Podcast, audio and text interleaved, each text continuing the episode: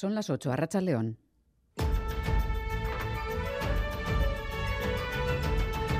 Crónica de Euskadi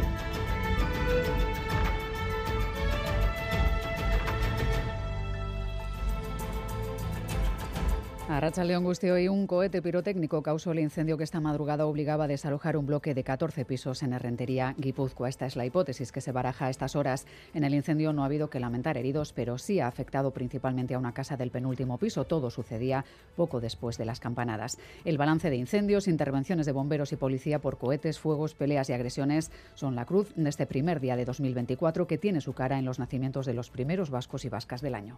Pues no sabíamos si iba a ser de las primeras, pensábamos más que iba a ser de las últimas del año. Desde las 6 de la mañana hasta que ha nacido, ha nacido a la, a la 1 y 20, así que hemos estado, pues eso, hemos, hemos pasado aquí todo el, todo el día, entonces ni cenar ni, ni nada. Konpaiak entzuduntzen gebizela e, preparatzen hasi eta hoi minutuan ja e, jaiota zegoen hasi, ezin nahi, e, ezin nahi kejau.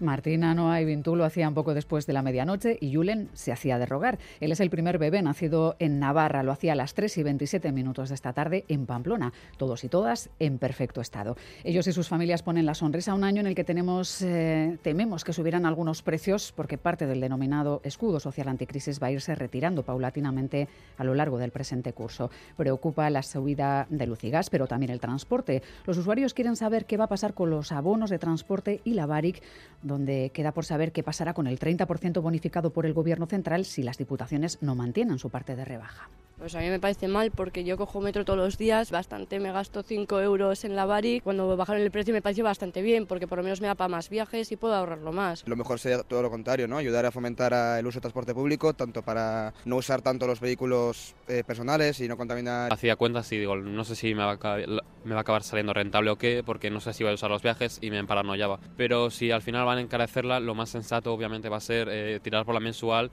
Este jueves está prevista una reunión de urgencia del Consorcio de Transportes de Vizcaya para aclarar cómo quedan los descuentos. Mientras en Japón son ya cinco los fallecidos por el terremoto de magnitud 7,6 que se ha desatado en la zona centro y oeste del país.